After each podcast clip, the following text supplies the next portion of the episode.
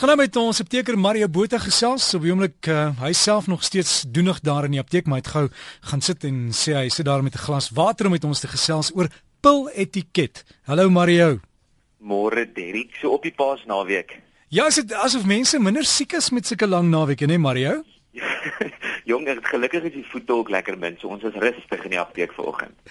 So Mario Pilletiket, dit is baie wye veld. Mense, ek sien dit baie keer by van die groter apteke, hulle storm en kry gou die pille en is weer uit. Maar jy hou daarvan om met mense te praat voor hulle die pille vat, né? Weet ek, dit is so belangrik om vir pasiënt seker te maak dat hy weet wat hy drink, wanneer hy dit drink, hoe hy dit moet drink. En baie van ons aptekers is baie keer haastig want daar staan 'n lang ry en dan besef ons jong, ek moet hierdie ouens so vinnig as moontlik uit my apteek uit kry. En dan vergeet ons of ons laat dit agterna om partykeer met hierdie pasiënt te praat. En ek wil vir die pasiënt sê daar buite, maak 'n punt daarvan om vir die apteker te sê, maar jy het nie vir my verduidelik hoe hierdie werk nie of jy het nie vir my verduidelik wat kan gebeur met hierdie interaksie nie. En dit is dan belangrik om stil te staan en gou 1 of 2 minute te spandeer hier aan om dan hieroor te praat. So dis nie net ook die apteker se verantwoordelikheid nie, maar ook die pasiënt se verantwoordelikheid. En ek het 'n lysie gemaak van dinge wat belangrik is. Jy jy moet weet wat jy drink. Ons almal weet wat ons gunsteling drankie. Ek drink 'n bier, jy drink 'n brandewyn en Coke, die ander een drink 'n wyn en ons weet presies hoe om dit te gooi en wat daarin is. Maar ons kan dit nie doen met ons tablette nie. Dit is regtig sleg. Jy moet weet wat jy in jou mond sit en wat jy afsluk tot in jou pens in. Ons moet weet wat ons drink. So dit is baie baie belangrik, ek verseker.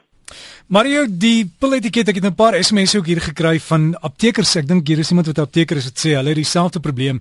Uh, mense raak gewoond aan die die groot kettinggroepe en storm by die klein apteek ook in en sê hulle wil gou dit hê en is weer uit. Hy sê maar hy praat ook met hulle. Ja, weet, weet jy wat die probleem met groot kettingapteke en ek is net so mal daaroor want hulle pryse is baie laag en die voorwinkelgoed is wonderlik. Ek koop al my skeermeslemmetjies altyd by hierdie groot kettingwinkelapteke.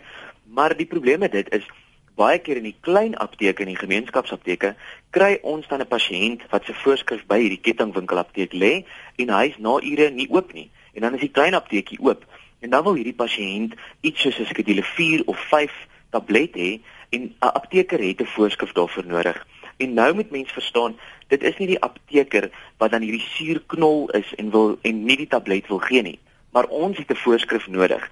En dit is nie ons wat daai reël bepaal nie, maar dit is 'n landswet en 'n 'n aptekerswet wat bepaal dat jy nie hierdie tablet vir 'n pasiënt mag gee sonder 'n voorskrif nie. Ja, ons mag help met 1 of 2 of 3 dae maksimum om hierdie pasiënt te help in 'n noodgeval mits daar dan 'n voorskrif verkry word. So, ja, dit is nogal belangrik om om te weet wat se wette aptekers aan moet voldoen en dat die pasiënte dit moet respekteer. En ons as aptekers moet mekaar respekteer. So ek sal iemand help van 'n ander apteek, maar dan moet daardie apteker ook besef hy moet my weer help met 'n voorskrif. Al het ek net vir 3 dae hierdie tablet uitgegee. Dit is baie belangrik dat dat ons mekaar respekteer en dat die en die pasiënte ons respekteer. En dan in hierdie groot kettingwinkel apteke kom hierdie pasiënt dan nou weer in in die klein winkel apteek en dan besef hy maar niemand het ooit met hom gepraat oor die slegte interaksie of hierdie slegte neeweffek nie en dan skielik in hierdie aand van noodtoestand besef hy iets van sy tablet wat hy dalk al vir 'n jaar of 2 jaar drink en dan maak 'n ander apteker 'n liggie wakker en sê maar let op op die volgende en dan is daar A B of C neeweffekte of interaksies wat die pasiënt nooit geweet het nie. So ons moet praat oor hierdie dinge. Ons moet met mekaar praat hieroor. Ons in die apteek as personeel moet met mekaar praat hieroor en die pasiënte moet met mekaar praat daaroor. So dis baie belangrik kommunikasie, kommunikasie, kommunikasie. Seker. Mario, as jy enige pilboksie vat, die die biljet binnekant, dit is so klein gedruk en selfs buitekant.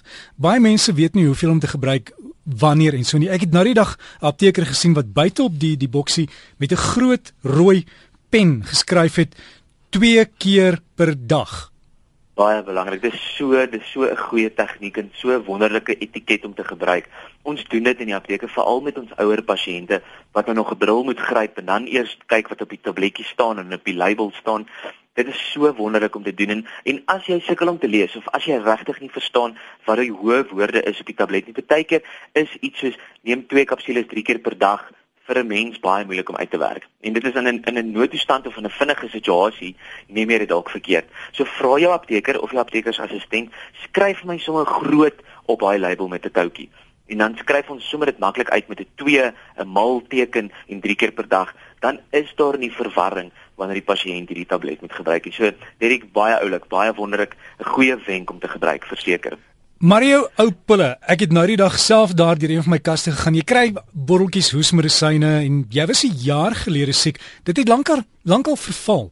Nou wat doen mense met dit? Gooi dit in die toilet ja. af? Kan jy dit apteker toeneem? Gaan die apteker dit veilig wegmaak of wat gebeur met dit? Ja, ja, baie goeie vraag. Jy moet deur jou medisynekas gaan. Jy moet daardeur amper wil ek sê blaai om te kyk wat se tablet het verval, wat se hoestroop het verval, wat sê die etiket op op die bottel. As hy oopgemaak word, is hy veilig om na 10 dae te gebruik of is hy nie veilig om te gebruik nie? En dan moet jy werk maak daarvan.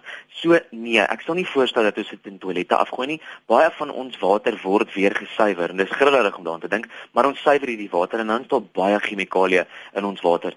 So, wat jy moet doen is, is vat al daardie vervalde medisyne in jou huis, sit dit in 'n sak en vat dit vir die apteker.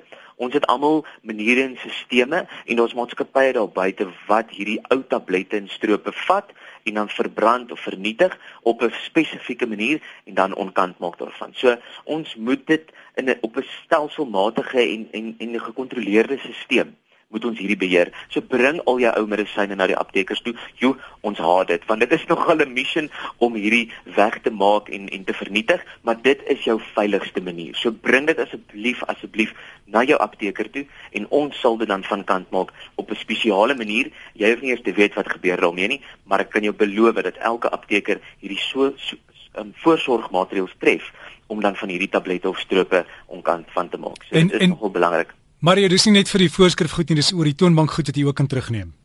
Dis vir oor die toonbank goed, want as daai vervalde ding in jou huis lê en 'n kind kry daai ding in sy mond, dit is baie sleg en, en aaklig en dan moet ons hospitaal toe en ongevalle toe. Dit is dis regtig nie 'n ding om te doen nie. So bring alles, selfs al is dit 'n natuurlike middel en hy's oor sy vervaldatum, bring dit na die apteker toe. Ons sal dit weggooi. Moet dit nie in jou drommetjie of in die toilet weggooi nie. Dit is regtig nie goeie tabletetiket nie.